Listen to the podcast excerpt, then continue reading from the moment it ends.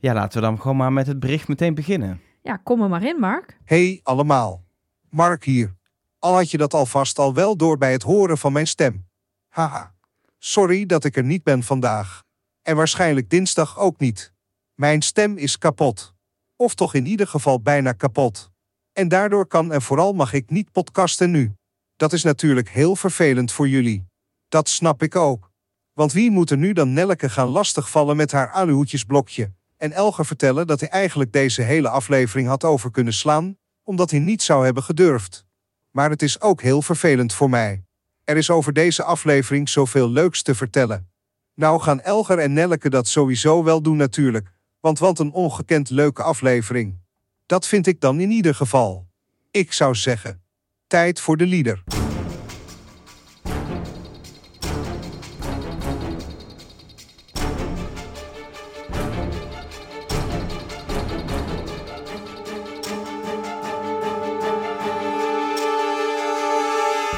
Hallo en welkom bij Trust Nobody, de podcast over Wie is de Mol met Nelleke Poorthuis. Met een geheel vernieuwde Mark Versteden. En met Elger van der Wel. Ja, dit eh, is een beetje raar. Dit is zeker een beetje raar. Ehm, en misschien nog een, stukje toelichting eh, eh, eh, van ons, want wij zitten met z'n tweeën in de studio met heel veel knopjes met, met, met een soort van markt eronder. Ehm, Ja, het is niet dat Mark nu live naast ons zit te zwijgen en dan op zijn computer iets aan het intypen is en dat we dat dan live kunnen laten horen. Nee, daar hebben we wel maar. over nagedacht, maar dat, dat zorgt voor heel veel vertraging. Want Ja. dan moet hij, oh, ik wil hierop reageren. En dat, daar gaat ook de dynamiek van het gesprek weg. Dus ehm, hij heeft zeg maar vooraf in eh, alles gewoon voorbereid en duidelijk goed gekeken en bedacht, hé, hey, dit wil ik zeggen. Dat heeft hij aan een computer gevoerd.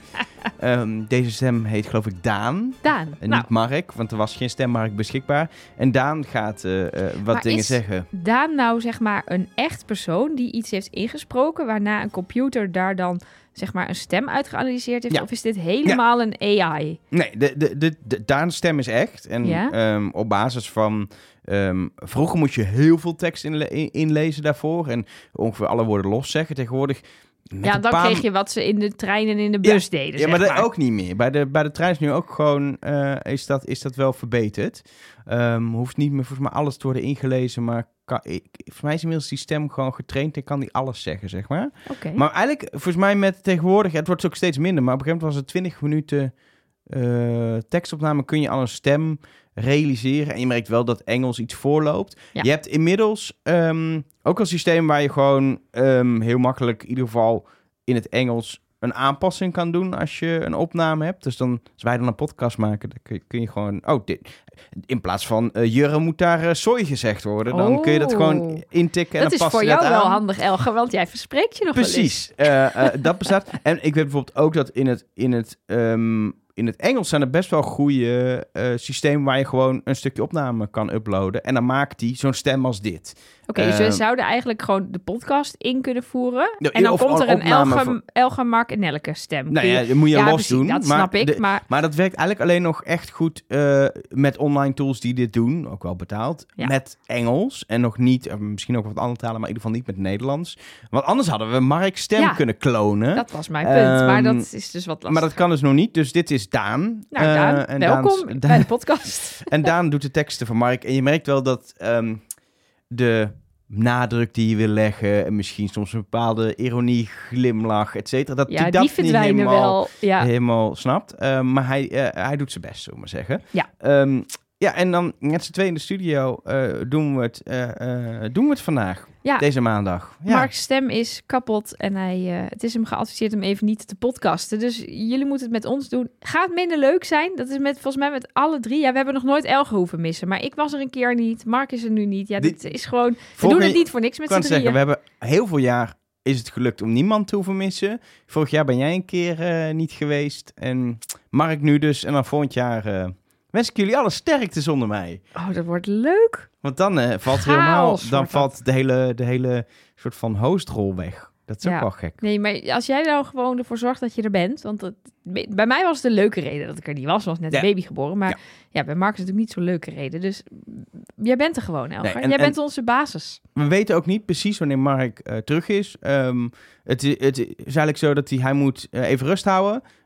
Als hij dat doet, dan kan hij vrij snel weer praten. Maar dan is altijd het punt, wanneer heb je genoeg rust gehouden? Want als je weer te vroeg begint te praten, dan heb je dus de kans dat je het erg maakt. En dat je Mhm. uiteindelijk langer van huis bent. Maar ja, op een gegeven moment kun je ook weer praten. Je wil ook niet te lang niet praten, want dat is vervelend. Want bijvoorbeeld niet Ja. podcast, maar ook, weet je, op zijn werk moet hij gewoon vergaderen. Hij mag ook geen, geen vergadering leiden. Hij mag, Nee. hij mag wel zinnetjes zeggen, hoor. Hij mag korte dingetjes zo... Zoals eh, hij zelf zei, ik mocht, mag wel een biertje bestellen. ja, precies. Maar niet, hey, bier. Dat mag dan weer niet. Nee. En dat is wel hoe Mark, weet ik toevallig, normaal bier bestelt. Hey, overal bier. Een beetje zo. Is dat een goede imitatie van Mark die bier bestelt, denk je? Ik heb geen idee. ik wel. Eh, want ik heb wel eens met hem in de kroeg gestaan. Ehm, ik ook wel trouwens. Maar volgens mij ging het meestal wat rustiger aan toe. Nee, voor de show. Hou, dit, hou Oh, deze Ja, nee, illusie dit in is precies- Hou deze Dit illusie is in stand. precies hoe Mark klinkt. Ja. Ehm, ehm, we willen vooral voorkomen dat Mark een soort van de nieuwe vorige presentator van Wie is de Mol wordt. exact. Als je weet, dat weten heel veel mensen niet. Oh, ja, want Art Royakkers heeft ook 3,5 jaar niks mogen Nee, niet drie, maar wel volgens mij bijna een jaar uiteindelijk. Maar die had ook echt polieptoestanden en ellende. Gedoe. Ehm, dus dat. Ik hoop voor Mark dat je dan ook het uiterlijk van Art krijgt als je geen stem hebt. Maar Dat zou leuk zijn. ja. Anyway, eh, we gaan het hebben over eh, aflevering 8 van Wie is de Mol natuurlijk. Eh, waarom heb ik in mijn molboekje... Dit moet je dus acht. even, met terugwerkende Ja. kracht met die AI, moet je daar even 9 van maken. ja. Ja. Nee, aflevering 9. En Ma- Mark zei het al net eh, vooraf. ehm, dit is wel een aflevering die niks voor mij was als kandidaat. Want ik had het... Nou, een telefoon opnemen had ik gedurfd, denk ik. En net. misschien tussen de opdrachten door een duikje in de zee. Als ik weet dat er niet allerlei bijtende beesten zitten. Dat had ik ook nog wel gedurfd. Zo, dat is niet te garanderen, hè, in een oceaan. Nee. En er was ook nog... We hoorden een paar afleveringen geleden dat er allemaal haaien zaten. Ik weet niet Ja, of dat dat was hetzelfde... hopelijk ergens anders. Ja. ja, of niet. Nou, ze zijn in ieder geval nog de kandidaten. Dat is één ding wat eh, zeker is.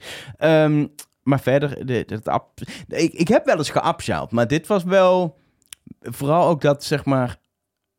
De, de hoogte was extreem, maar ook Mhm. Het afzuilen dat je op een gegeven moment zeg maar de rots een stukje terugloopt. Dus op het moment dat je afzet, dat je terugschiet, Ja. vind ik doodeng. Want dan ben ik bang dat ik, niet eens voor de hoogte, maar dat ik kaart met mijn neus tegen die Ja, maar rotswand daar aan... heb je eh, toch twee benen voor om je op te vangen. Ja, maar dat vind ik toch eng, want dan ga je zo... zo, zo nee, dat, Maar dat is wel, was wel een probleem geweest, want dan hang je al halverwege. Ja, Je moet iets. Ja, dan moet je door. Ja. Nee, ik heb geabzet gewoon vanaf, vanaf een gebouw en ooit ook vanaf een gewoon zo'n houten klimschutting van een metertje of 15 of zo. Ja, dit was 60 meter, Ja, precies. ik. Dat dus is dat is wel een verschilletje. Ja, dus ik denk niet dat ik... En, en die boten Ja, van... die Die, dat- Echt niet. Nou, je hebt wel tijdens onze Trust Nobody reis naar de Canarische eilanden op een speedboot gezeten voor Ja. het eerst in je leven. Vond ik ook al... Ik vond meevallen uiteindelijk, maar ik vond het heel spannend vooraf. Ja. Je vond dat nog spannender dan het snorkelen. Dat vond ik ook spannend. Ik vond allebei wel spannend. ik heb het wel gedaan. Ja, Dus, maar eh, dit, dit was harder. Er stond op de boot dat dit harder ging dan 120 km per uur. is toch niet normaal? Dat is toch niet normaal? Nee, maar ook los daarvan, de, als je mij erop zet, 10 minuutjes en dan eh, is mij, de- de- hang ik alleen maar over de reling. En ah, met die snelheid, als je dus kotst, dan komt het terug. Op Jurre. Nee, Op ja, jezelf. Ja, op iedereen. Precies, het komt eerst je eigen gezicht in en dan als Jurre nog achter zit, komt het op Jurre. Nu, Ja, maar het is volgens mij is het zo snel dat je niet meer, in ieder geval niet meer zeeziek wordt. Want je hebt niet echt meer golven of zo. Het, is gewoon jawel, je, je stuiteren. vliegt steeds. Dat is ook niet Ja, fijn. dat dat gebeurt er, daar word je ook wel ziek van. Maar eh, de kandidaat, zover we weten, misschien dat blijkt achteraf dat de verhalen komen dat ze vrij snel nadat ze aan land kwamen een Griekse tekstje hebben gedaan, dat ze... Dat kan. Maar laten we het niet eh, heel te veel over kots Nee. hebben. Dat lijkt me Ehm, een goed idee. Eh, laten we het hebben over verder deze aflevering 9. Ehm, heeft Mark, Mark heeft er volgens mij wel een mening over. Even algemeen, wat moeten wij ongelooflijk hopen dat Jurre de Mol is? Ik heb het al eerder gehad over dit seizoen en dat het wat mij betreft een grote reset is. Jurre heeft verreweg het minste geld opgehaald en heeft het meest fout gedaan. Je moet niet willen dat het dan iemand anders is. Echt niet. Als je nu nog op een andere mol zit. Doe het. Haal er je plezier uit. Maar als je net even iets dieper kijkt, zou dat heel slecht zijn voor het programma. De essentie is dan verloren dan gaan Janneke Dinges hupseflups nog gelijk krijgen ook. En dat is misschien nog wel het ergste. De mol molt, de kandidaten doen aan kandidatengedrag. Dat is de essentie. In een enkel en los geval kun je daar nog van afstappen, maar gedurende een heel seizoen is dat de basis van het programma. Dat moeten niet alleen wij willen, dat moeten ook de makers willen. Het is superslim wat ze nu doen. Door nu dit te doen, kunnen we weer jaren vooruit. En is echt alles mogelijk. Dit seizoen is een 9,5. Laten we dat vooral zo houden. Jurre is de mol. Nou, eh, duidelijk, verhaal. Duidelijk verhaal. Hebben wij daar nog iets aan toe te voegen? Eigenlijk kunnen we gewoon de hele podcast zo doen. Een monoloog van Mark. Nou, wat ik wel interessant vind, maar ik denk dat we daar richting het einde moeten we natuurlijk die verdenking en ook wie op wie zit gaan bespreken. Maar ze proberen ons nog wel even zo op het einde, ook door, door de verdenking van de kandidaten, nog even zo van Jurre af te krijgen. En dan denk je even logisch na over het gedrag Alles wat er is gebeurd. van Daniel en van Jurre. En dan, het, het, het, het, kan gewoon echt niet anders dan dat Jurre geluk de mol is. Ehm, en ik denk ook, dan moeten we even kijken naar deze aflevering, eh, de opdrachten, dat we ook nog wel wat dingetjes zien gebeuren die dan toch weer ook naar ons Jurre wijzen. Eh, Ik heb ook andere dingen gezien hoor. Oh, nou, dan gaan we, gaan we, gaan we uitgebreid Wat ook bespreken. leuk is, want eh, Mark heeft het over die Great Reset. Dat is niet helemaal de Great Reset die jullie misschien kennen. Pak je maar dan de- hoedje erbij. Precies, nee, dat is deel B. Nee, maar over dat ze dus inderdaad allerlei dingen anders aanpakken. Nou, dat vond ik in deze aflevering 9 briljant. Ehm, als in, ze hebben niet alleen maar grote dingen anders aangepakt. Ze hebben ook naar allerlei soort van ongeschreven regels en vaste onderdelen gekeken. Zoals bijvoorbeeld dat Rick alle kandidaten langs gaat en of de presentator en zegt: Nou, eh, Elgar, jij was echt eh, een beetje een eigenwijze bij de hand kandidaat die eh, altijd voor het geld ging, tenzij de jokers waren. Ben jij de mol of ben jij gewoon een beetje een domme kandidaat? Dat hebben ze dan nu weer verpakt in dat telefoongesprek met de mol. Daarna hebben ze ook niet dat iedereen bij elkaar staat en er een soort van dat ziet u volgende week is. Nee, ze hebben een heel interessante manier gevonden om de, de kandidaten met hun mol in gesprek te laten gaan. Dus ook dat soort kleine dingen hebben ze anders gedaan. Waardoor dit in mijn ogen echt een van de beste aflevering negens ooit is. Met twee super opdrachten, met nog een eliminatie, met een afvaller die ook nog heftig is en je informatie geeft en je allerlei dingen doet laten voelen. En dan inderdaad aan het einde, nou, daar zullen we het straks over hebben, eventueel misschien toch weer twijfel. En wat ik nog meer wil zeggen over die reset, is dat we ehm, op eh, onze website, trustnobody.nl, een, een berichtje kregen van Isa, die zei... Wat zou misschien kunnen komen omdat degene die de afgelopen twaalf jaar de montage deed, het vorig jaar voor het laatst heeft gedaan. En dat is natuurlijk een team van een aantal mensen. Maar dat zou wel kunnen betekenen dat daar gewoon puur ook door de mensen die het doen, iets anders is gebeurd. Zeker. Iemand dat, anders zit daar te monteren en denkt misschien wel. Wat Dus ook, daar zit natuurlijk ook nog de regisseur en de eindredacteur zijn daar ook bij betrokken. Maar, Tuurlijk, maar dat is, wel zeker. anders. Ja, maar daar hebben ze wel bewust voor gekozen dit seizoen om, om, om dingen anders te doen. En daar helpt het bij als er ook iemand anders in dat team zit ja, ehm, die, eh, die, die, die dingen bepaalt, zeg maar. en we hebben natuurlijk ook gezegd met een jur, met een jur als molle. Met een jur als Met een molle? jur als molle. Of met een jur als... m- Nee, met een jur als mol is het dan. Of met een m- mol als Met een mol als jurre. Dat bedoelde je. ehm, is het natuurlijk ook lastig om de acties er helemaal uit te knippen. Want in sommige opdrachten zou er dan dus geen jurre in de montage zitten. Maar ik denk wel dat, eh, dat ja, misschien toch wat we eerder hebben gezegd, dat personeelswisselingen, niet dat deze mon- monteur, heet dat dan een monteur? Nee. Hoe heet iemand die, die dingen monteert? Ja, maar we, dan, noemen dat, we noemen dat eigenlijk altijd editor, Editor. in het Engels. Ja, niet dat we deze- noemen het niet, er is mon- de montage, maar nee, we noemen het echt in de tv-wereld altijd een editor. En Ja. ook in de audiowereld trouwens. Maar die editor heeft dus over twaalf jaar echt gewoon ook superveel eh mooie dingen neergezet natuurlijk. Want ongeveer twaalf jaar geleden hebben ze ook een soort reset gehad. In seizoen 10 of 11 geloof ik dat het ook ineens anders eruit zag. eh, veel filmischer werd en veel meer dat familieprogramma werd waar wij het altijd over ik hebben. denk ongeveer naar de zaterdagavond ging rond die tijd.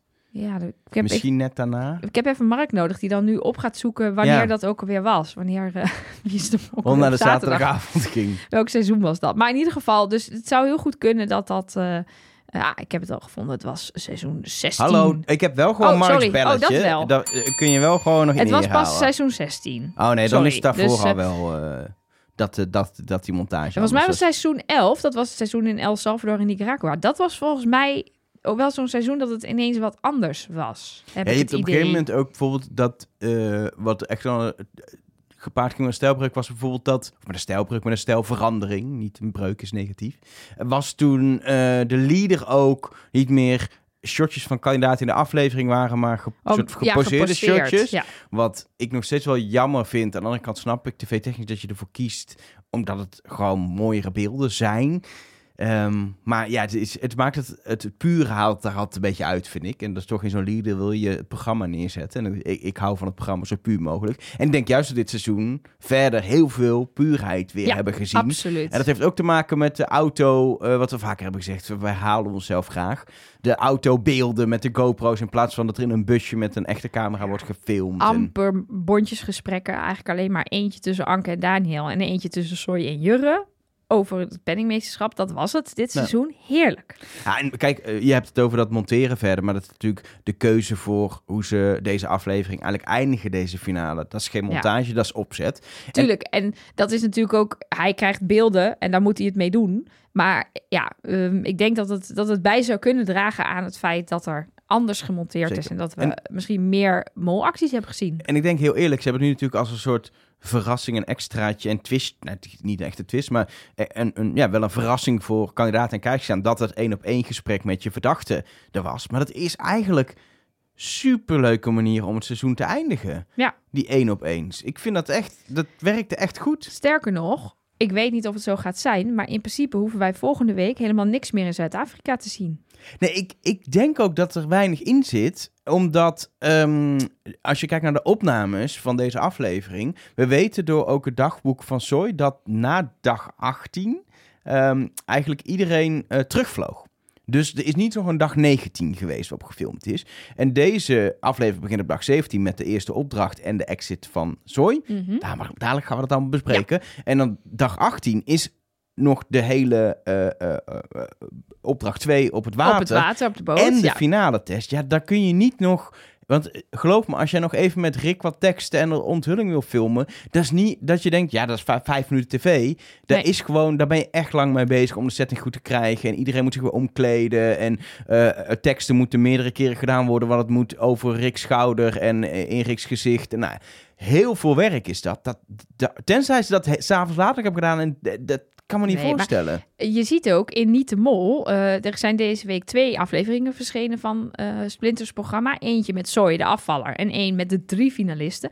En die eindigen met, volgende week worden jullie eindelijk uit je lijden verlost en weten jullie wie het is. Dus zij weten het ook nog niet. Dus dit, dit, dat laatste gesprekje met jouw mol, dat was het ook voor hen. Zij zijn toen ook teruggegaan naar Nederland en zitten dus nu al, ja, zoals Daniel al bijna een jaar in de spanning. Volgens mij weten zij het nog niet. Ja, ik, vind, ik, ik, ik hoop dat, want ehm, ik vind, ik, ergens vind ik het op zich altijd lekker om in die finale nog wel in de sfeer van het programma in Zuid-Afrika te komen. Maar het is ontzettende stijlbreuk met het live deel. En het probleem is de laatste jaren dat ze dan weer teruggingen voor de onthulling. Bijvoorbeeld vorig jaar met die ontmaskering. Ja. Naar het live deel. En dat is zo'n stijlclash. Doe- Kies er dan voor om dat helemaal gewoon maar in Nederland te doen. Dan hoef je ook niet meer terug. Want dat, het, het lengde alleen maar vaak Ja. dat geswitcht. En het, en het switchten van stijl en gevoel. Doe het dan inderdaad maar helemaal in Nederland. Zullen we maar gewoon chronologisch de aflevering doorgaan? Want we hebben zeg maar volgens mij over het grotere plaatje kunnen wij volgens mij nog drie uur door eh ouwe hoeren. Maar er is ook van alles gebeurd nog in deze aflevering. Ja, de aflevering eh, opent nog voor lied natuurlijk met, met Rick die het even, nog even uitlegt. Want we zitten natuurlijk midden in een soort verhaallijn rondom een test die eh, gemaakt is, maar waarvan de antwoorden nog veranderd kunnen worden. En, en, en een, uiteindelijk ook een eliminatie eraan komt met jury die een vrijstelling heeft. Dus dat legt Rick eigenlijk uit. En verder blikt hij eigenlijk ook niet nogal verder vooruit naar wat erna gaat komen. Het is even dit, wordt de eerste helft van de aflevering. Daar gaan we ons nu op focussen en dan komt de leader.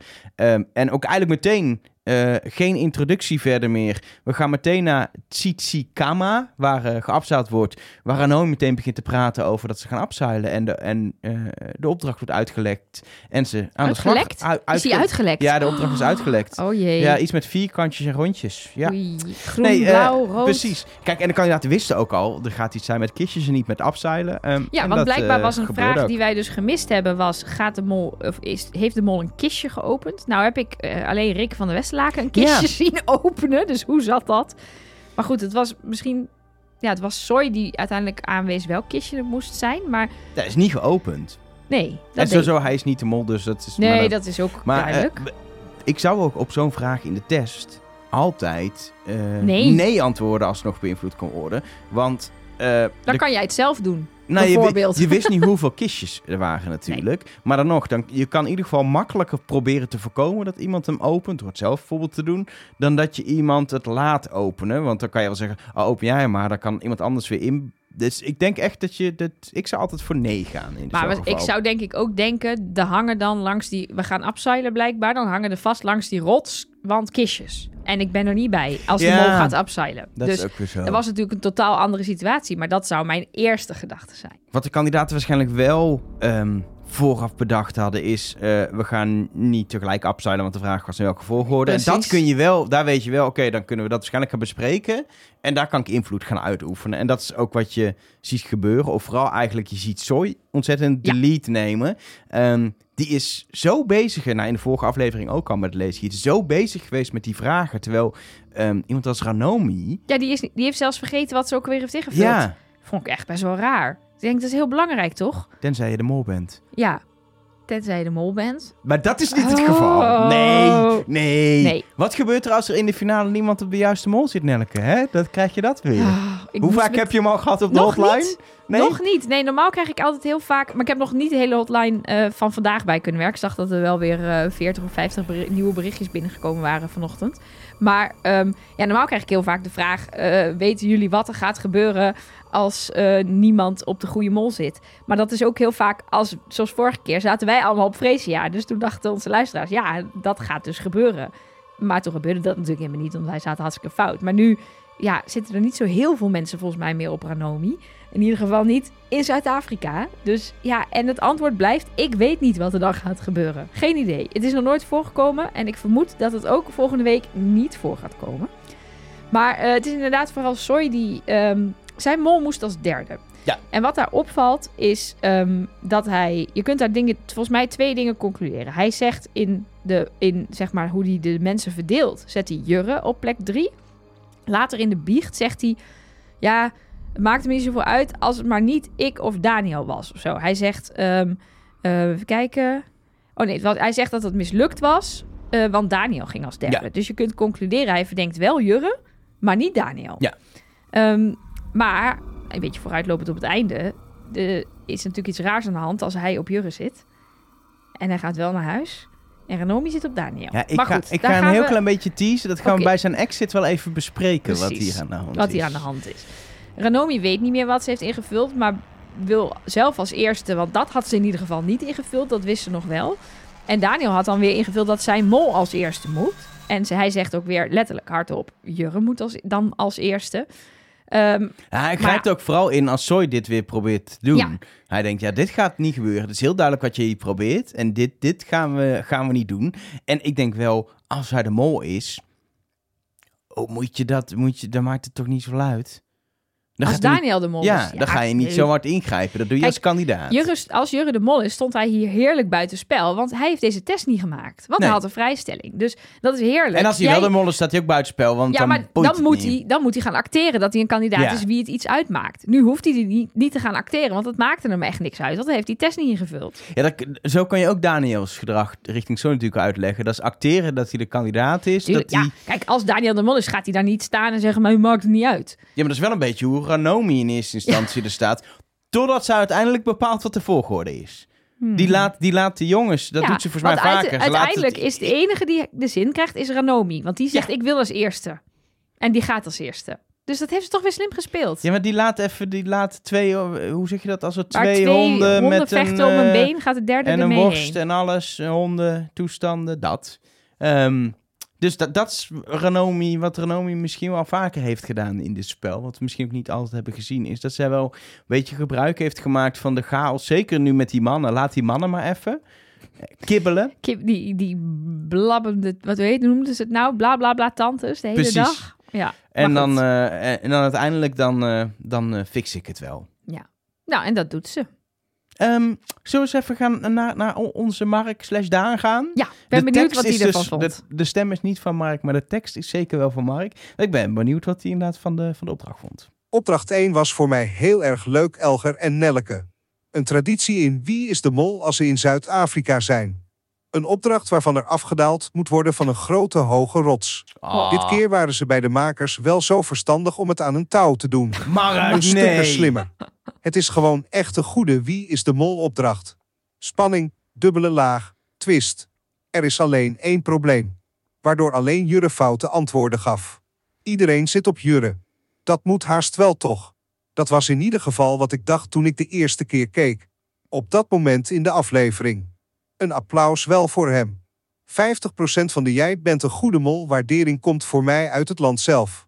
Als jij heel veel mensen daar hebt weten te misleiden is dat gewoon heel goed. En dat zijn er blijkbaar acht van de negen. Ja, daar ben ik het helemaal mee eens.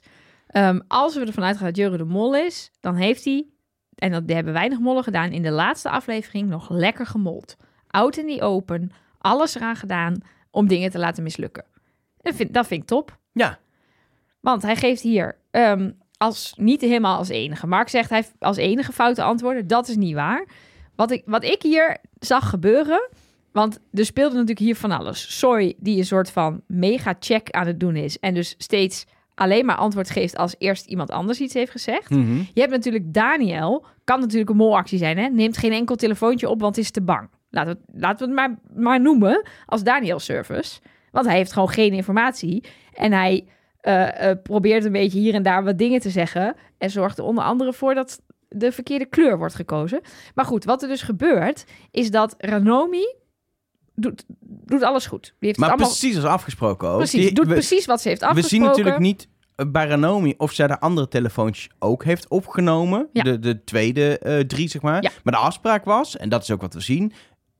Zij en Zoe nemen de eerste drie telefoontjes op. We zien haar al die antwoorden geven. Goed, dus Ja. het is geen groen kistje. Het is wel klein en wel vierkant. Klopt. Eh Zoe zien we eigenlijk meer, zeg maar, haar bevestigen of, of eh, in ieder geval niet de lead nemen. Ja. Ehm, en bij de andere kistjes zien we Renomi ook niet, of bij de andere vragen bedoel ik, bij de andere feitjes, ook niet meer reageren van ik heb iets anders gehoord. Dat doet Zoe wel, want die heeft alles Ja. geluisterd en die gaat op een gegeven moment nou, wel die dingen... heeft er twee van de zes Ja. gemist. Hè? Dus nog steeds een derde. Maar, Nee, die maar gaat bedoel, zich er wel mee bemoeien. Precies, die tweede Ja. helft heeft hij ook geluisterd, dus die gaat ingrijpen op het bijvoorbeeld moment dat er een fout antwoord Ja, wordt bijvoorbeeld gegeven. Het telefoontje van Aniek, dat zij- is dus de eerste van de laatste drie. Daar was Jurre eh, samen met Daniel voor verantwoordelijk. Nou, Daniel heb je dus helemaal niks aan.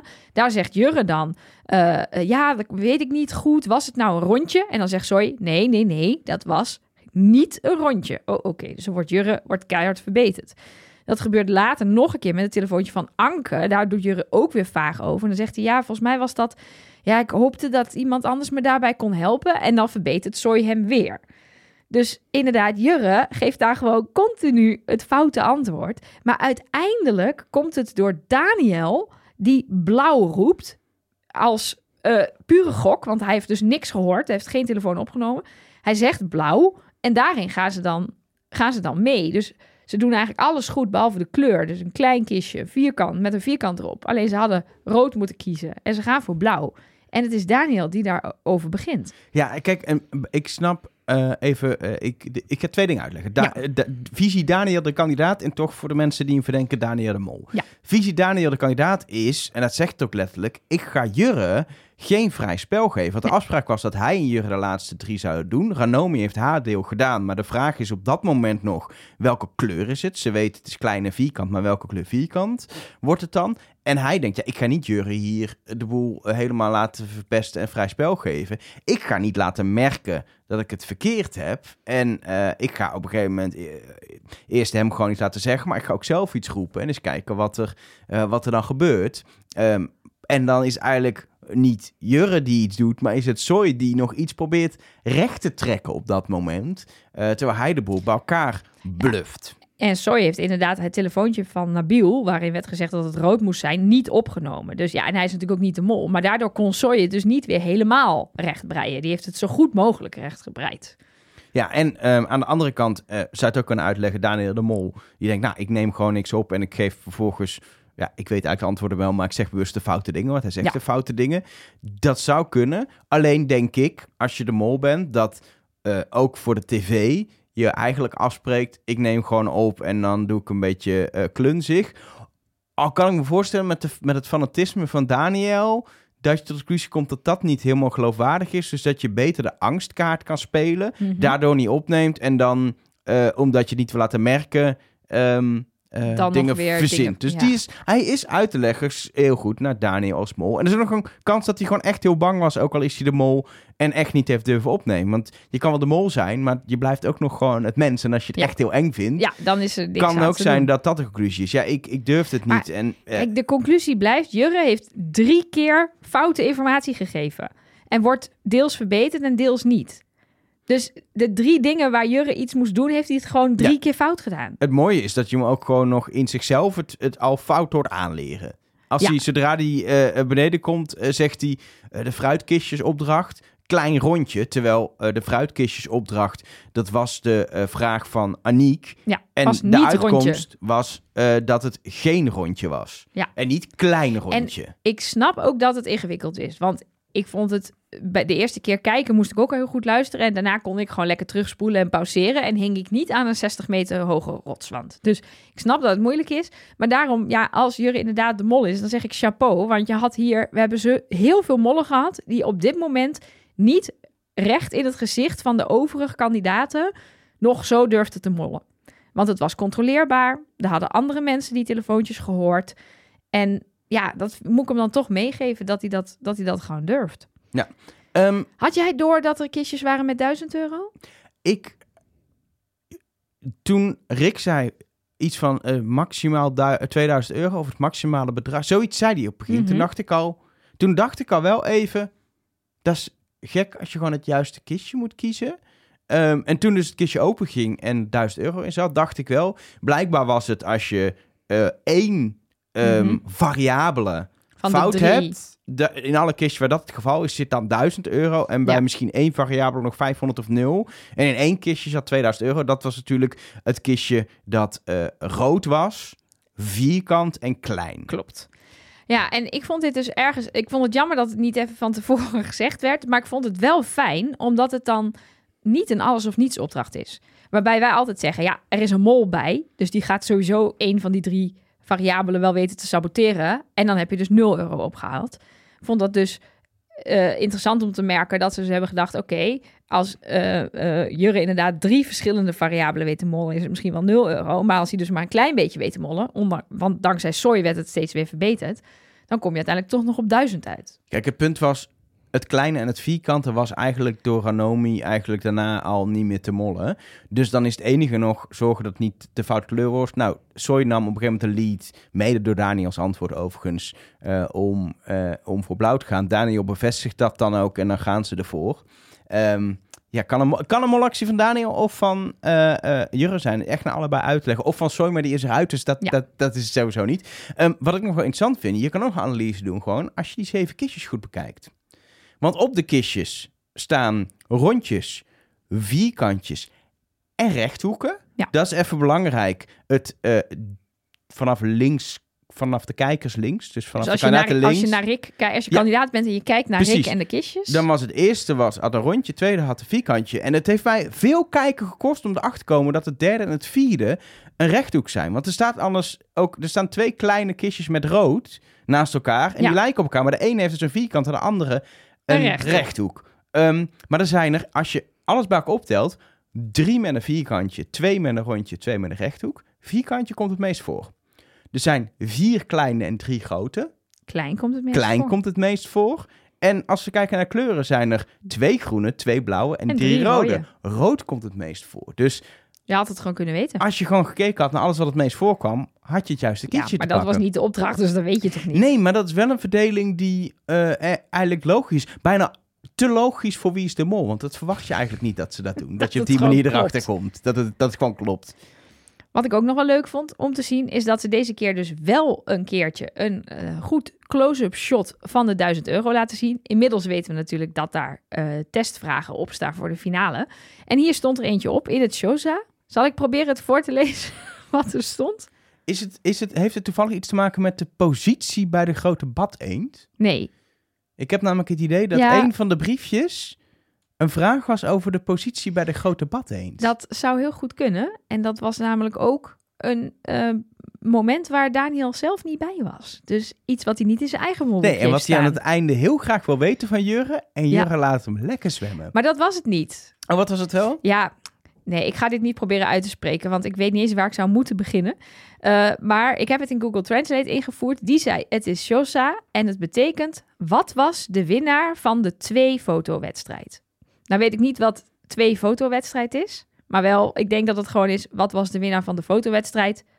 Nee, was, dan is het was de mol de winnaar van de foto. Ja, maar dat staat er niet. Nee, maar dat is wel hoe normaal een vraag geformuleerd is. Want het is Ja. een vraag over de mol. En niet wie was de winnaar van de fotowedstrijd. Want dan heeft iedereen Nee, dat goed. wat was de winnaar van de fotowedstrijd? Oh. Een mol of een Oh, kandidaat? dat kan dan inderdaad. Ja, ja, ja. ja. Dat zou het dan misschien zijn. Het ging in ieder geval, ik denk dat het eh, ging over de safari eh, Ja, ja, ja, dat zal... opdracht. En dit is natuurlijk niet een vraag waar je heel erg op moet studeren. Nee. Want er was, het antwoord is ja, want je, je of Jurre de mol, of hoe, ik weet niet hoe, hoe ze hem gaan stellen, maar het is natuurlijk niet zoals stond de mol vooraan of achteraan debat eend. Dat is best een lastige vraag. Nee, nee, deze die, die weet je gewoon. Ja. Dat is niemand vergeten dat Jurgen dat heeft gewonnen. Precies. Ehm, deze opdracht levert eh, eh, uiteindelijk dus 1000 euro op. Niet de maximale 2000 euro. En dat brengt de pot op 11.650 euro. Ehm, de kandidaten praten heel even na en blikken vooral eh, vooruit op de eliminatie die ehm, eh, gaat komen. En dan gaan we eigenlijk meteen door naar die eliminatie. De eliminatie waarin we vooraf al zeker wisten dat niet het vierde scherm rood kan zijn. Wat Ja. we dit seizoen natuurlijk als lijn hebben gezien. Want er zijn nog maar drie schermen die getoond kunnen worden. En ehm, Daniel kreeg groen. Soy kreeg rood. En daarmee ehm, ja, was ik wel opgelucht eigenlijk. Ik ook. Jij, jij gelooft het niet. Jij riep de hele tijd, het wordt Ranomi, het wordt Ranomi, het wordt Ranomi.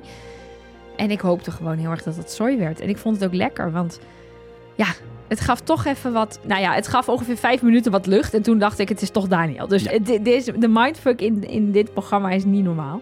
Wat ik wel interessant vond was, ze zijn steeds zo open over wat Daniel denkt en doet. Ook hierbij heb je ook weer niemand echt horen praten over die eliminatie, behalve Daniel. Die zegt, ik hoop dat die anderen gespreid hebben, want dan heb ik waarschijnlijk een groen scherm.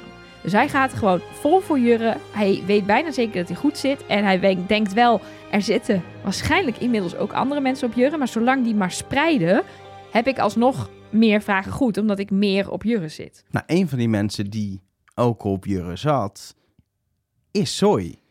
En dat is natuurlijk wel een dingetje, dat Soy eruit is gevlogen op Jurre. En we Nou, zien... Gespreid op Ja, Jurre. Laten we het daar even over hebben. Want hij zegt in Niet de Mol tegen Splinter... Ik heb, ik, dat ik het zo ver heb geschopt is, is bizar. Want hij zat helemaal verkeerd. Kreeg rood bij de eliminatie in de wijnkelder. hadden wij al eh, geanalyseerd. Precies, daar was ik ook heel voorspeld. blij mee dat wij dat goed hadden gezien. Daarna zat hij volop Nabil.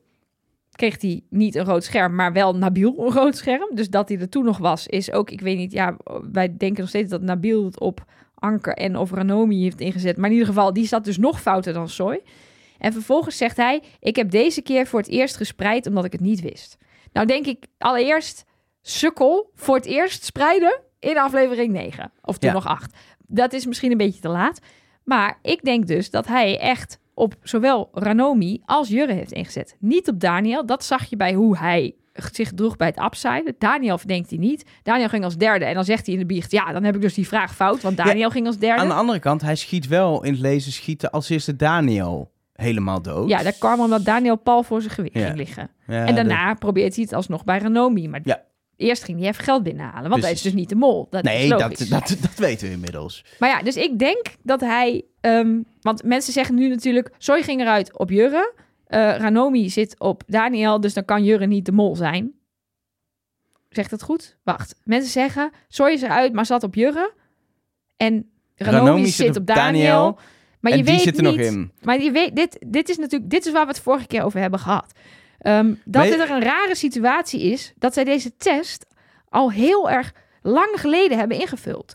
Dus wat er is gebeurd bij zowel het lasergamen als het upseilen heeft geen invloed meer wat er op, bij deze eliminatie gebeurt. Je ziet Soy letterlijk zeggen: ik check bij Ranomi wat voor antwoorden zij geeft over wat ze gehoord heeft in de telefoongesprekken. En verdorie, het is allemaal goed die realisatie kan hij niks meer mee, want hij heeft die test al ingevuld. Ja. Hij heeft waarschijnlijk al vragen op Ranomi ingevuld, terwijl hij daar wel concludeert dat hij het waarschijnlijk niet goed heeft. Ja, en hij is op dat moment nog, nog, als hij die test maakt, vrij zoekende naar wie het is. En heeft Ja. gespreid. En eh, inmiddels is duidelijk, als je, als je tussen de regels door in het dagboek leest, niet te mooi, et cetera, dat Soy ook na deze eliminatie er van overtuigd is dat hij op Jurre zit. Dat Jurre de mol is. Ja. En dat hij, hij denkt dat hij puur eh, pech heeft gehad. Hij denkt dat iedereen op Jurre zit, maar op dat moment zit Ranomi op Soy. Eh, en eh, uiteindelijk gaat Ranomi natuurlijk naar Daniel in de finale. Dus dat is een tweestrijd geweest op dat moment. Als Jurre de Mol is waar ik vanuit ga. Tussen Ranomi en Soy. En die is op een of andere manier door het spreiden, door de antwoorden. Maar misschien ook wel, want dat denkt Jurre, of Jurre, dat denkt Soy zelf. Door het niet kunnen aanpassen van de antwoorden op de vragen naar zijn, die niet naar zijn hand kunnen zetten. Die veel vragen eh, fout heeft Van, van, de, de, laatste vijf. vijf, ja. En dat hem dat eh, genekt, is, eh, ge- genekt is geworden gedaan. nee, dat hem Gedumpt. dat genekt heeft. Precies, dat. Ja. Ehm, in ieder geval denk dat we dat, dat we dat antwoord helemaal aan het einde wel krijgen. Dat we wel hopelijk horen hoe... Maar waarschijnlijk is het één vraag verschil of op tijd geweest of iets Ja, dergelijks. en waarschijnlijk ook al bij die eliminatie met die stoelen, waarbij Nabil naar huis gaat, terwijl er dus meer mensen fout zitten. Dat zal waarschijnlijk ook ja, eh, niet heel veel geschild hebben. Het zal net te maken hebben gehad ook met in welk groepje een mol zit, dat je dan per ongeluk een vraag goed hebt. Het kan natuurlijk zijn dat heel veel vragen die, eh, die zeg maar Ranomi op eh, Soy heeft beantwoord en Soy op Jurre, dat die allebei het goede antwoord zijn. Dat Jurre en Soy daar hetzelfde antwoord zijn. Ja. Waardoor ehm, eh, die vragen bij eh Soy allemaal goed waren. Bij Ranomi ook. En dat juist de, de, de, vra- de vragen waar dat niet zo is, dat Soy die op Ranomi heeft geantwoord en daardoor foute vragen had. Ja. Dat, dat is een beetje... dus We gaan er denk ik nog wel achter komen. Maar ik zou nog niet durven zeggen. We kunnen er met zekerheid zeggen dat Jurre de Mol niet is. Want Soy heeft rood gekregen en is er op Jurre uitgegaan. Precies. Die, dat hele rood van Soy, met in de aflevering eigenlijk alleen maar... Daar wordt heel gepusht, jurre, jurre, jurre, jurre. Dat hij heeft gespreid, laten ze eigenlijk daar in de montage niet zien. Ze willen ons laten Ja. zien dat hij eruit is gegaan op jurre. Ik denk omdat die, op die manier het nog spannend krijgt. Dat, plus dat uiteindelijk twee finalisten, waaronder de mol, op Daniel zitten... zorgt dat je door deze aflevering, ook al zat je op jurre... toch als je dit alleen ziet, als je deze aflevering als Ja. zelfstandig geheel ziet... toch gaat twijfelen. Precies. En dat hebben ze. Dat is een beetje geluk met hoe dingen vallen. Maar ook vind ik. eh, Dat, dat is mooi monteren, vind ik. Ja. Want anders is het te duidelijk. En nu kun je er de Ik hele week bijna, nog over Ik weet discussiëren. het bijna zeker, maar ik kan er inderdaad zo'n podcast van 3,5 uur over maken. Nou ja, het is, vooral, het is vooral dat ik elke keer denk. Als ik dit soort analyses ga doen, dat het dan toch Daniel zou zijn. Dan zie ik ergens 1000 euro. En ergens, weet ik veel, 22,50 worden verdubbeld. En weet ik, de, ik zie allerlei geldbedragen langskomen. Waarvan ik denk. Hmm. Hoe ga jij die uitleggen, Dani Precies. Overlaan? Nou ja, en wat er ook nog zou kunnen zijn gebeurd, is natuurlijk dat Ranomi wist dat eh Soy een deel van zijn vragen op Jurre heeft ingevuld. En daardoor zij afstapt van Jurre. Dus dat ze denkt, dat is wat bijvoorbeeld eh, bij Daniel is gebeurd. Eh, Daniel weet dat Anke op Ranomi zat. En weet dus zeker dat Ranomi niet de mol is. Hij weet dat hij zelf niet de mol is. Dus hij weet gewoon bijna zeker, het moet Jurre wel zijn. Ehm, maar dat kan natuurlijk ook. Ranomi en Soy kunnen elkaar ook dingen verteld hebben. Dus bijvoorbeeld, eh, Ranomi zegt tegen hem: Ja, ik heb heel veel vragen op Jurre ingevuld.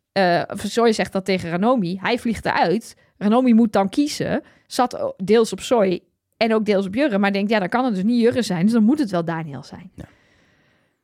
Mind fuck. Eh Soy gaat in ieder geval naar huis en de drie finalisten proosten met elkaar. Waarbij Jurre eh, niet wil dat er beantwoord wordt wie de mol is. Dat heeft hij liever niet, eh, wat ik snap. Maar hij wil wel weten wie er gaat winnen. En zelf denkt natuurlijk, ja, Daniel zit op mij, dus Daniel gaat winnen. Daniel die denkt dan weer dat Ranomi gaat winnen.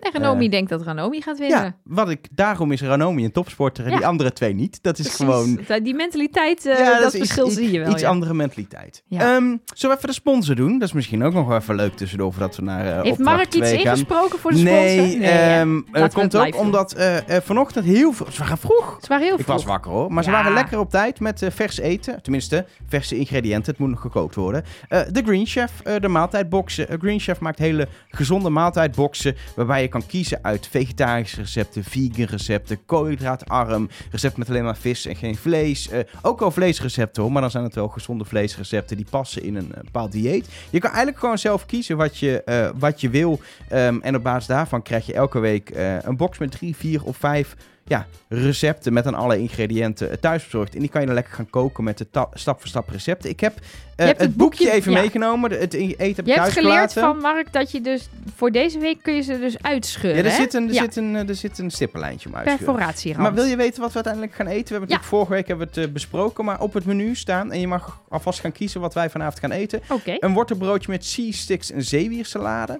Gele Wat zijn sea-sticks? Ja, dat zijn een soort eh, eh, vegetarische vissticks. Oeh, daar ben Van, ik wel benieuwd ik naar. denk dat er iets van ook wel iets... eh, ja, ik weet het ook niet. Met, ik denk met zeewier misschien wel erin. Ja, er Dat kan. zit sowieso zeewiersalade Ja, bij. precies. Dus, gele curry met geroosterde bloemkool. Lekker met kikkererwten ook. Walgreens pasta salade met aubergine. En moussaka met vegetarisch gehakt. lekker. Is allemaal lekker, hè? Ik wil denk ik wel die burger met die sea, Dan ga ik vanavond een burger maken. Want ik ben degene die uiteindelijk mag koken. Ik zag ook op de doos staan, die vanochtend ehm, bezorgd werd, dat ze CO2, eh, ehm, hoe heet dat? CO2-neutraal bezorgen. Dus je hoeft je daar ook geen zorgen over te maken dat het slecht zou zijn voor het milieu om zo'n busje te laten rijden.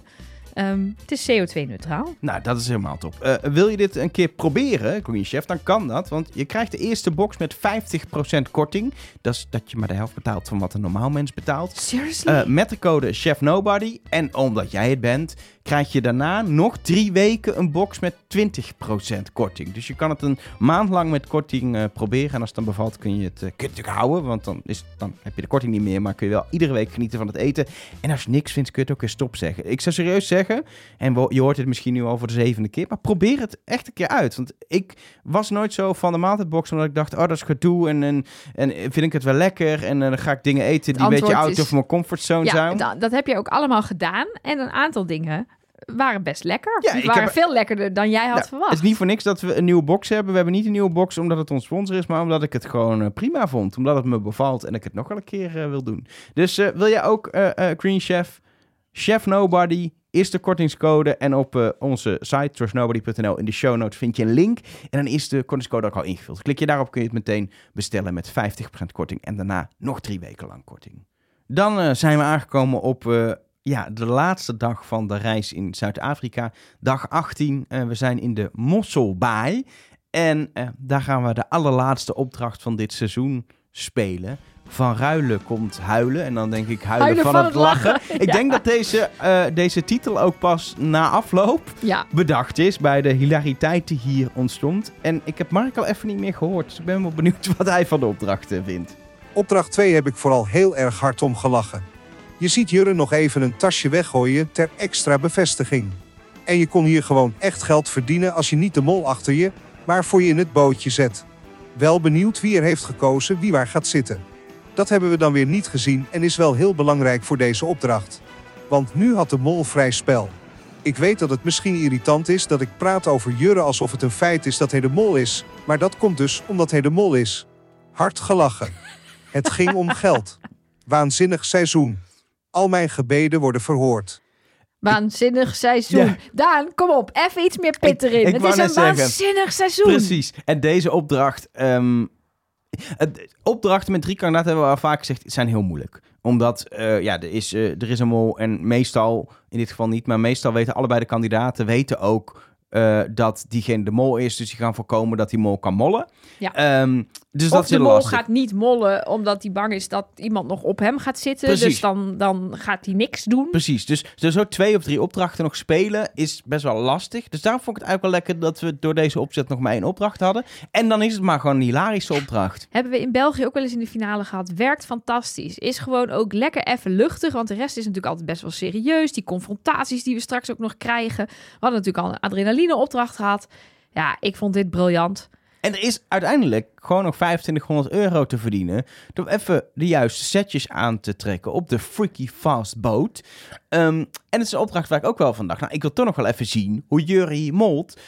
En ik moet eerlijk bekennen, ik denk dat ik uiteindelijk... Ik heb wel gespoeld, maar misschien wel vier of vijf keer heb teruggekeken. Ik ook. Het is zo moeilijk om achterhalen wat precies de outfits waren. Want er waren volgens mij per... Iedereen zit op een andere rij. Per rij stoelen voor je twee verschillende outfits.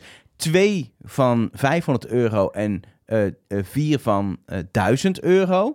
En volgens mij kun je precies met de kleding dan uitkomen dat er twee van 1000 en één van 500 gemaakt konden worden. Ja, afhankelijk van welke je, welke je kiest. Want als je één kiest, haal je bepaalde kledingstukken weg. Ja. En dan moet je dus.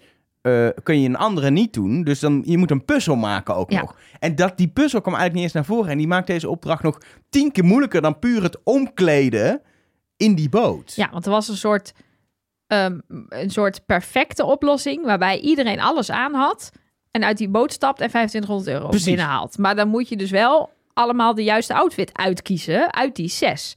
En we zien er maar vijf in beeld, dus ik weet ook niet wat de zesde dan is. Dus ik heb zelf die puzzel ook nog niet kunnen maken. Maar zeker de eerste, de, we zien er in het begin, als ze de opdracht uitleggen, zien we drie shots van 1000 euro, 1000 euro, 500. Dan denk je, oh, die zijn het.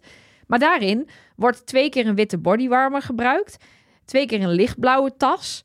Dezelfde zonnebril. Dus die kunnen niet tegelijk. Nee. Dus het is sowieso één van die en dan nog twee andere. Alleen het is dus een beetje onduidelijk. Ja, en dan ontstaat er ook nog in die boot onduidelijkheid over bijvoorbeeld wat is een blauwe tas? Want er was een blauwe tas en een beetje ja, zeegroen-blauwe Ja, tas. mint, groen. Ehm, er was een soort harde tas en een zachte tas. Precies. En die zachte tas, dat heeft denk ik iedereen wel gezien. Die liet Jurre wegwaaien. Nee, dat was die, die hardblauwe tas. Oh, die was- fel, oh, die- tas. Die gooit hij zo Jij, woe, ja, jij overboord. noemt die zacht en hard. Eh, eh, Dik en dunne tas. De dunne tas, de blauwe tas, die laat Jurre wegwaaien. De felblauwe tas. Ja. Ja, Van soort plastic, Ja, volgens mij. precies. Geweven, Ja, een soort ge- ge- gevlochten plastic. gevlochten, dat is het woord. zo- En er is een dikkere tas. Ja, en die heeft Daniel de hele tijd vast. Je ziet de hele tijd dat, dat kleurtje voorbij komen. Hij heeft hem tussen zijn benen geklemd of onder zijn oksel. En dat is de tas die Daniel nodig heeft, nodig heeft voor de outfit. Ze zeggen blauw, maar ze bedoelen die blauw-groene dikke tas. Ja, en ehm, in de slow-mo beelden helemaal aan het einde van de opdracht... die komen duidelijk uit een eerder stukje van de opdracht. Want daar zie je ineens die tas van Daniel naar achter richting Jurre gaan... Maar ergens in die opdracht, op het moment dat die tas nodig is, zijn ze hem kwijt. Ja, het, het, het, en gek- waar die gebleven is, het gekke is wel, hij lijkt op een gegeven moment kwijt te zijn. Vanaf het moment dat Daniel het vest aandoet wat hij nodig heeft. Het juiste, juiste vest. Dan is die tas weg. Maar je ziet hem dus in een veel latere slow-mo die ze erin hebben gemonteerd op het niet juiste chronologische moment. Wat jij net, waar jij net naar verwijst. Vond die dat slow-mo's wel heel dat- nice. Ja, maar dat hij wel dat vest aan heeft.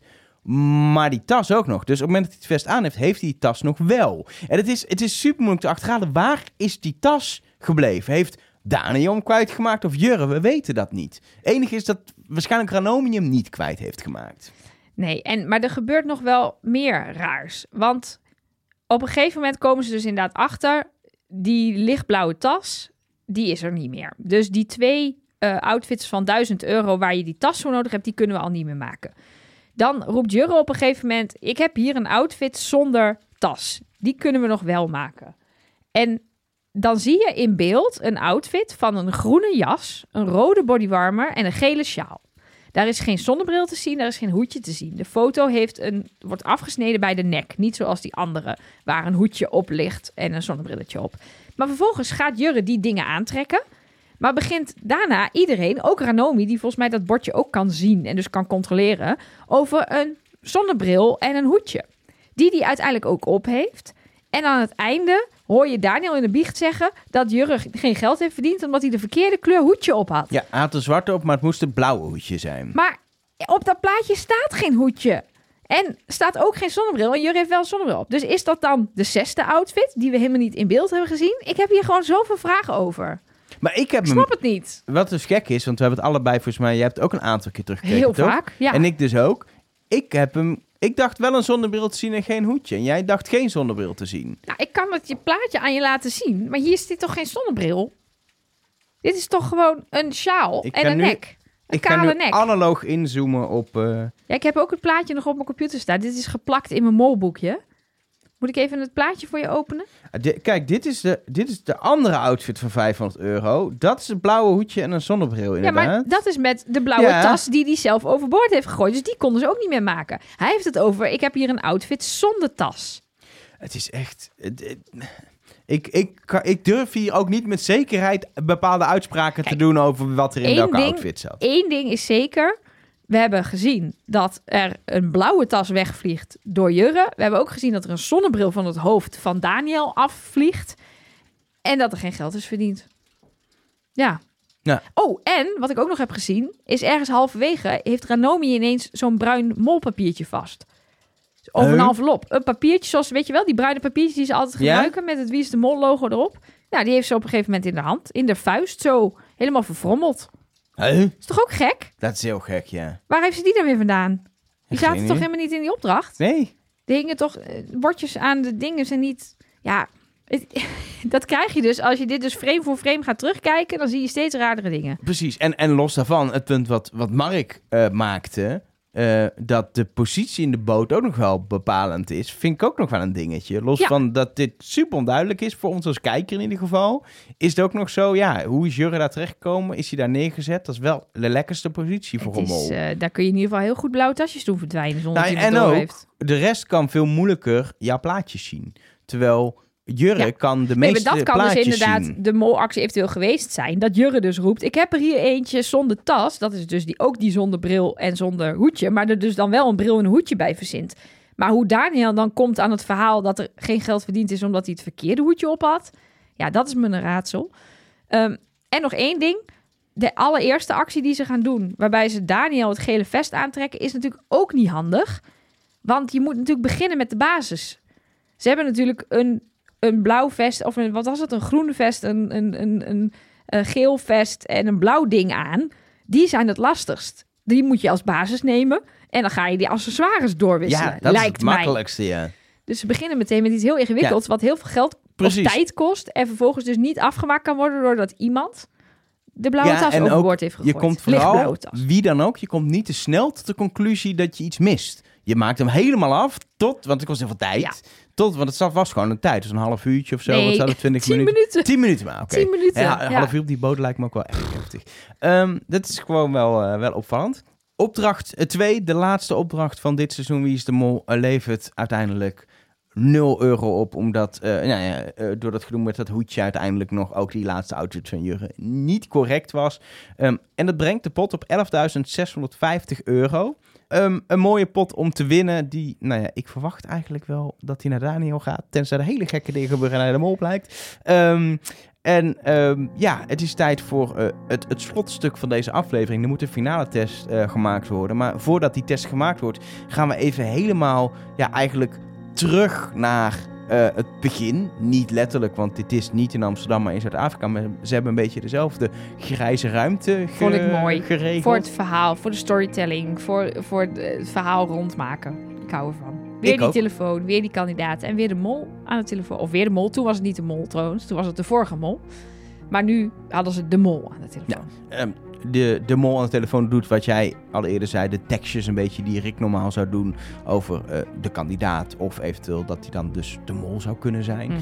Ehm, en ze krijgt over dat ze je één op één doen. Ehm, ja, welke volgorde mensen gaan vind ik niet zo boeiend. Ehm, maar wat ik wel boeiend vind is Jurre. Die als hij terugloopt, ja zegt. En de laatste vraag die hem gesteld werd door de mol was... Of spreek ik tegen mezelf? En dan heel ad rem Ranomi die nog vraagt, wat ja? maar het blijkbaar toch niet doorheeft op dat Nee. moment. Weet je wat me daar ook opviel? Nou, Kijk, dit waren vooropgenomen gesprekjes. Dus ik ga ervan uit dat dit gewoon drie keer echt de mol was Ja. die dit deed. Ehm, en dat het dus niet net zo is als de vorige keer waarin wij verwachten dat Jurre een gesprek had met zichzelf. Misschien was dat ook vooraf opgenomen, kan ook nog, gaan misschien nog wel zien. Maar wat hier wordt verteld aan Jurre is iets over valse bescheidenheid. En dat is precies wat Everon bij het allereerste telefoontje in aflevering 1 tegen hem zei. oh. Wat grappig. Ik opvallend. Ja, aan de andere kant, dat, ja, dat is ook natuurlijk, je pakt de, de persoonskenmerken. Aan het begin kreeg iedereen die ook een beetje te horen van Everon, denk ik. Ja. Wat, dat is natuurlijk een tekst die door de makers naar de mollicitaties is geschreven. Eh, ja, die kun je ook weer terugpakken, want dat is gewoon een karakterding. Ja, maar in, zeg maar bij de rest ging het heel erg over hoe ze uiteindelijk zich gedragen hadden in dit spel. Dus zeiden ze wel iets anders. Bijvoorbeeld dat Daniel zijn zin doordrijft. Dat Ranomi zich verliest in het spel en medekandidaten beslissingen laat nemen. En dan bij Jurre nou, komen ze toch weer terug op wat ze eerder hebben gezegd. Ik weet niet of het een hint of zo is, maar ik vond het gewoon opvallend. Nou, dan eh, gaan de kandidaten eh, de test maken. Maar voordat ze dat doen, of dat is natuurlijk een beetje door elkaar gemonteerd, krijgen ze één op één gesprekjes Ja, ze met mochten hun eerst praten en dan test ja, maken. precies. Maar in beeld zien we dat door Ja. elkaar eh, versneden. Eh, eh, Daniel eh, wil met Jurre praten, Jurre met Daniel en Ranomi eh, ook met Daniel. Dat zijn de verdenkingen. Ja, maar nu, bromp, gooi je dat zo even erin. Maar er gebeurde bij mij van alles in dit stukje. Want ze gingen heel snel over van dat moltelefoontje naar deze molafspraak. Daniel zit daar, Jurre komt er aanlopen en feliciteert Daniel. Dus ik denk, hij is de winnaar. Over de laatste verdenkingen en de groep. De Twitter-bio van Daniel. Het was dus echt een hint naar dat hij ging winnen. Loffie Thee. De wijn van Ranomi in het expeditiebericht. Ook gewoon omdat ze de finale had gehaald. En Jurre als mol. Maar laten we vooral Soy niet vergeten. Mensen uit Eindhoven zijn gewoon heel leuk. Dat blijkt ook bij hem weer. Wat een ongekend leuke groep. Ongekend leuke kandidaten. En die gesprekjes aan het einde in die stoelen vond ik briljant. Eén puntje van kritiek. Daar had aan de voorkant wel echt even een zinnetje bij gemoeten. Want ik snapte het pas na 20 seconden. Nou, dat had ik dus ook. Ik denk, dit is de ontknoping. En dat had met meerdere dingen te maken. Dat had natuurlijk met die felicitaties te maken. Maar ook hoe Jurre daar was. Hij was zo anders. Zo een beetje slinks. Een beetje eh, rustig. ehm, zelfverzekerd of zo. Ik dacht echt, nou, hier zit de mol. Die het dus nu mag gaan zeggen. Maar het was dus andersom. Maar ik was echt helemaal, helemaal in de war. En de, wat, wat ik nog even wil reageren op wat Mark zei. Dat fragment van Ranomi, waar we het ook laatst over hebben gehad in eh, Expeditie Robinson. En of dat dan ging over dat ze gewonnen had of niet. Ze weet dus nog steeds niet of ze gewonnen heeft. Nee, Dus ze kon daar alleen maar vertellen of ze in de finale zat, ja of nee. Meer weet ze nog niet. Dus nee, dus als je daar vanaf ha- laat hangen dat je denkt dat ze gewonnen heeft, dat kan niet. nee, want ze weet het nog niet. Nee, Ehm, wat, ik, wat ik wel interessant vond aan het gesprekje, vooral tussen eh, Jurre en eh, eh, Daniel, dus Jurre die Daniel ook feliciteert, is dat het hele gesprekje is ook uit te leggen als Jurre die gewoon praat als mol met een kandidaat. In plaats van een kandidaat die met de mol praat.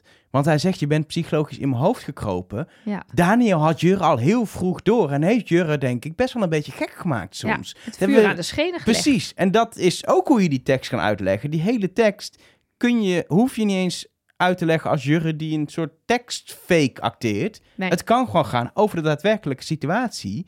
En ze kunnen er ook allebei zitten en dat weten. En een soort, ze zijn, ze zijn allebei heel erg aan het spelen Ja. met elkaar op dat moment. Ja, en dan gaan ze de molacties langs, die, Jurre volgens Dani die Daniel volgens Jurre heeft gedaan. Nou, dan is het, Daniel ging voor jokers op het schip. Prima, klopt. Maar dat is ook een ontzettende kandidatenactie, want een kandidaat wil jokers. Ja. Daniel wilde niet in het fysieke bad eendgroepje, terwijl hij zo van sporten houdt.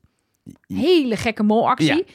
Eh, Daniel ging af met veel geld in het doolhof. Ja, dat is absoluut een van de dingen die Daniel als mol gedaan zou kunnen hebben. Wacht even. Hij zegt dat hij meteen naar het moeilijkste deel met de hoge bedragen ging.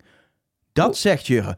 Hoe de fuck weet Jurre dat dat het deel met de hoogste bedragen was? Dat kan hij alleen weten als hij de mol is. Ja, of als Daniel gewoon na afloop heeft verteld... hoor je, ik ben afgegaan met vier blaadjes in mijn hand... van 300 euro, 400 euro en vijf, weet ik veel. Dat kan toch? Wij hebben dat niet gezien. Nee, maar dan ah, zeker als je ehm, nog... eh, eh, ja, als hij de mol is, laat je dat dan misschien niet zien aan ons. Want ik wou zeggen, als je Daniel als red herring wil gebruiken voor de mol, dan laat je dat juist heel expliciet nog zien. Het is, het is bijna niet in beeld geweest dat Daniel een hele stapel had. Precies, daar hebben we het nog over gehad. Dat dat een beetje misleiding was. Dus dat, dat vind ik nog echt oprecht. Dat zou een molactie kunnen zijn... die ook nog in de montage een beetje verborgen is. Maar daarna komt hij, en Daniel wijst hem ook terecht... met een heel raar verhaal over dat Daniel de mol is... omdat hij een koffertje met een hoog bedrag koos. Ja. Wat heel dom is, want je moet als mol... een koffertje met een zo laag mogelijk bedrag kiezen. Daar hebben we het ook al uitgebreid Ja. over gehad. Eh, Het punt is natuurlijk dat dan de uitleg is dat in het spel daarna je dan kan bepalen Ja, maar hij, waar het terecht komt. daarvoor koos Daniel net niet hoog genoeg. Nee, Die en had de derde hoogste. Precies. En wat het daarbij ook is, is dat als mol heb je meer te zeggen door een koffertje of een kistje open te doen en daar een envelop uit te kiezen, dan het te verdelen. Want na het verdelen kun je iemand nog een beetje proberen te misleiden, maar het is allemaal out of your hands. Ja. En aan de andere kant heb je sowieso één van de vier kistjes en dus enveloppen voor je neus. En kun je dus sowieso zorgen dat iets niet in het spel komt. En wat deed Daniel er ook alweer? Eh, even denken. Oh ja, hij koos voor het geld uiteindelijk. En, maar dan zeggen veel mensen dat kan een foutje zijn geweest. Hij wilde een joker, maar hij dacht omgekeerde psychologie. Maar als hij de mol is, weet hij wat erin zit. Precies. En weet hij wat hij moet kiezen. Precies. Tenminste, da- da- Daar, daar, gaan, we even vanuit. gaan we vanuit. We doen aannames. Hè. Deze hele podcast hangt van, aan elkaar van aannames, maar je moet iets. Precies. Ehm, dan eh, eh, Daniel, die eh, met Jurre mag praten, met zijn mol. Ja. ja, hij vraagt aan of Jurre verrast is. En Jurre Nee. is niet verrast. En hier zegt Daniel dus ook: Ik weet het bijna zeker. Want door iemand, door de, de, doordat iemand die ik heel erg vertrouw, wat die heeft ingevuld bij de test en mijn eigen test, weet ik het bijna zeker. Dus daar lees ik Anke. Hij wist dat Anke volop Ranomi zat. Anke ging eruit, dus hij weet Ranomi is het niet. Dan is het dus Jurre, want hij Ja. is het zelf ook. niet. En dat vond ik gewoon heel erg kandidaterig, hoe hij dat uitlegde met ook Ja. testuitslagen. Dat ik dacht, hmm, als je dit als mol allemaal gaat bedenken en verzinnen, dat is dat, respect. Respect. Ja. En dan komt hij ook met goede molacties. Hè? Ja. Jurre stuurde gedraaide foto's bij de street art opdracht. Jurre maakte envelop open in de bad eend opdracht. Ehm, en hij wilde dus ook heel graag weten waar Jurre stond bij die bad eend. Ehm, Omdat dat waarschijnlijk een testvraag is. En misschien dus dat wel de Engelse bijvoorbeeld, de Engelse vraag was Oh ja. op het geld. Of dat Anke, ehm, die heeft natuurlijk ook aan locals gevraagd wat dingen betekenen. Oh ja, die Dus heeft Daniel die heeft vertrouwen misschien genomen. Daniel in vertrouwen genomen. Ja, en daarna vertelt Daniel ook nog, vond ik wel interessant, dat hij voor het eerst eigenlijk Jurre echt iets heeft zien doen bij het verkeerd vertalen van de morsen van Ranomi's kistje. Want daar stond geen klein op. En dat hij daar dacht, ja, dat vond ik wel een mooie, mooie redenatie. Kijk, de mol weet alleen maar wat er fout is. Dus je kan als kandidaat niet een fout, ja, weet je, dan weet je niet dat het fout is. Je moet Nee. weten wat het goede is en dan kun je het fout vertalen. Nou, dat, dat is gebeurd, volgens Daniel. Ehm, Ranomi die eh, bevestigt eh, eh, nog even in de biecht die ze daar doet voordat ze, of terwijl ze binnenloopt, ehm, dat ze tot het einde op zooi heeft gezeten. Dat we dat 100% Nee. zeker weten. Di- dit, hier heb ik aan een paar mensen terecht gewezen.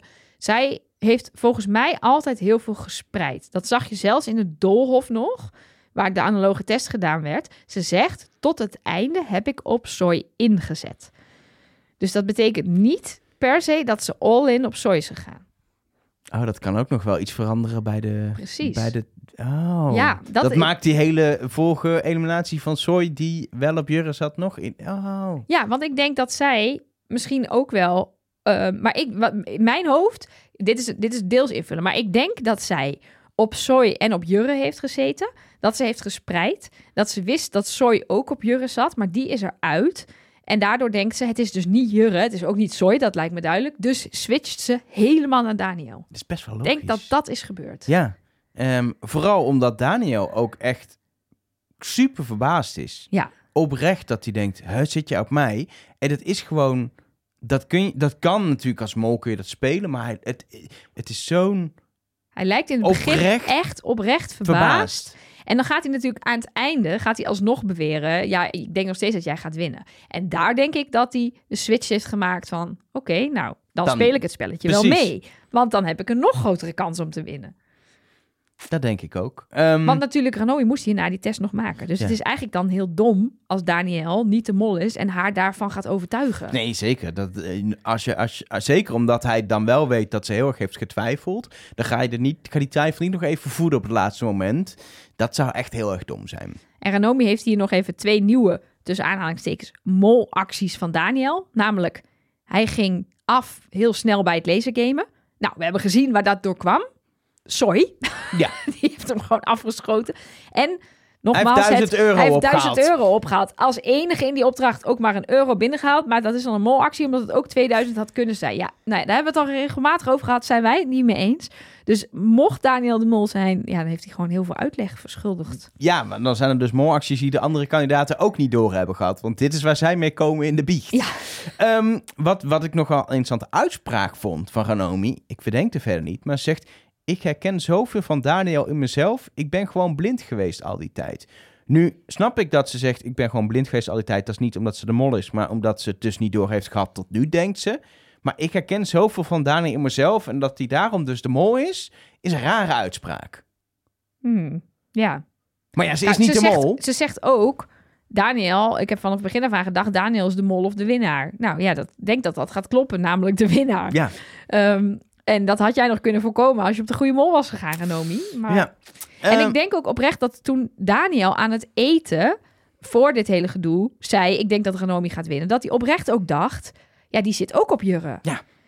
Dat heeft hij niet gezegd als: daar klopt die soort- hele verbazing ook weer Ja. bij als zij binnenkomt. Ja, oh, Ehm, heerlijk dit. daarna eh, sluit de aflevering heel mooi af met nog wat terugblikkende woorden en wat beelden van de hele groep en de reis. Zo van het was zo mooi en eh, wat een onvergetelijk avontuur. Ik weet de teksten niet meer precies. Maar het was gewoon een mooi, heel kort ook, een mooie Ja, terugblik. fijn. Dit was de reis. Die sluiten we hier af. En daarna was het gewoon het logo van de mol. En Rick die eh, alvast eh, op een donkere avond bij Paleis Soesdijk is gaan staan om de finale aan te kondigen. En volgende week zaterdag krijgen we alle antwoorden. Tenminste, dat hoop ik. Ik hoop dat we veel antwoorden krijgen. En anders gaan we bij Rick, want we mogen Rick interviewen, zoals je vorige week eh, al in deel bij hebt kunnen horen. Gaan we bij Rick de antwoorden die we nog willen hebben, gaan we nog wel bij hem, eh, bij hem halen.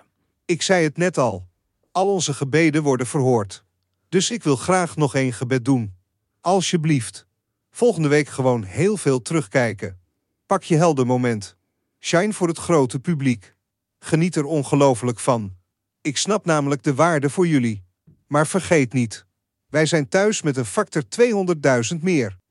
Ja, ik vind het wel een mooi, eh, mooi gebed van Mark aan de makers om inderdaad een finale te doen waar we niet te veel... Ja, die, die, want het is weer echt groots met publiek buiten. Niet te veel de heldenverering. Niet te veel mensen die met een spandoek staan te schreeuwen dat het Daniel is. Of toch Jurre. Of toch nog één iemand in het hoekje die nog zegt Ranomi. En dan Ron Bossart erbij. Maar gewoon binnen die kandidaten die terugblikken. En zo snel mogelijk al die molacties bespreken. We willen de hints gewoon Ja. voluit erin hebben. Niet, niet later op de website Nee. terug moeten lezen. Ik wil daar ook de reacties van de kandidaten. Ik wil gewoon al die verhaallijntjes. Ze hebben al heel veel mooie verhaallijnen verteld. En die moeten nu gewoon samenkomen en afgerond worden. En strik erom. En dan ben ik het helemaal met Mark eens. Dan was dit, dit seizoen absoluut een 9,5. Dan rest er voor nu nog één vraag. En het is echt spannend, is het denk ik niet meer. Maar we Oeh, moeten nog ik- even een rondje maken, hè? Ik hou dit altijd bij in mijn molboekje. En dan kopieer ik zeg maar de verdenkingen van vorige week. En, want dat is dan met opmaken en zo. Dan hoef ik dat niet opnieuw te doen. En dan haal ik altijd die verdenkingen weg. En dan vul ik dan een vraagteken in. Zodat ik dan tijdens het opnemen dat kan typen. Nou, al wekenlang kopieer ik gewoon het hele lijstje. Jurre, jurre, jurre lijstje. Ja, toch, En ik, ik, heb, verander er weinig aan. ik heb er nog even, nou, wat ik vorige week in de B zei, dat ik even nog, dat ik toch dacht, elke keer komt die soy weer op. Elke keer Ja, komt... maar nou, nee. heel blij dat ik niet geswitcht ben. Precies. Het is Jurre. En had ik al gezegd dat we dat ook moeten hopen. Jahi, Jurre dus. En gewoon super goed gedaan ook van hem. Nederland ontdek je door de edit. In Zuid-Afrika heb je iedereen misleid. Eén van de betere mollen ooit dus. Chapeau. Chapeau. Chapeau en Chapeau. je. eh, je. Dat was ja, hè, maar dat Ja. prima. Die, die systemen worden steeds beter, zullen we maar zeggen. Nou, Daan, lekker gewerkt. Dankjewel. Klein beetje feedback heb ik nog wel voor je. Ik ga je even appen. Ja, eh, dat komt goed. En voor degenen die zich afvragen of wij nu, zolang Mark weg is, elke keer dit met dit systeem gaan doen, dat gaan we even evalueren, denk ik. Ehm, Ja. We zijn er in ieder geval eh, komende eh, donderdag weer. In ieder geval uh, Nelleke en ik. En nou ja, ik ga even niet uit van Mark, maar wie weet worden verrast. Of mag Mark inmiddels wel een audio-appje sturen of iets in die Zou leuk zijn. Voor nu, dank voor het luisteren. Al je laatste reacties, overtuigingen dat het toch Granomi is, kunnen naar ehm, nou, bijvoorbeeld onze socials, Instagram en Twitter. En normaal zou ik nu naar Mark kijken, maar ik kijk even naar jou. TrustNobodyCast op Twitter en Instagram. Of de mail. Mol at trustnobody.nl. Of als je patron bent, het nummer van de hotline, kun je een appje sturen. Eh, we gaan donderdag echt nog heel veel berichtjes bespreken. En toch ook even, denk ik, dat we toch even moeten inzoomen, ook qua hints, op alle drie de Ja, finalisten. Zeker. Even gewoon weer even, een wat hebben we nou allemaal behandeld? Eh, alle mooie soy hints, die kan ik doorstrepen. Maar er waren natuurlijk zeker hints te vinden naar Daniel, Ranomi en Jurre. Dus even een overzicht waar we nu staan en wat de hints ons vertellen. En dan nu. Nelleke met iets wat Mark absoluut niet mag doen. Want het schijnt echt heel slecht te zijn als je iets met je stem hebt. Stembanden om te fluisteren. Dus waarschijnlijk, volgens mij is het voor iedereen slecht om te doen. Oh, nou, jij gaat het toch doen. Ik ga het toch doen. Trust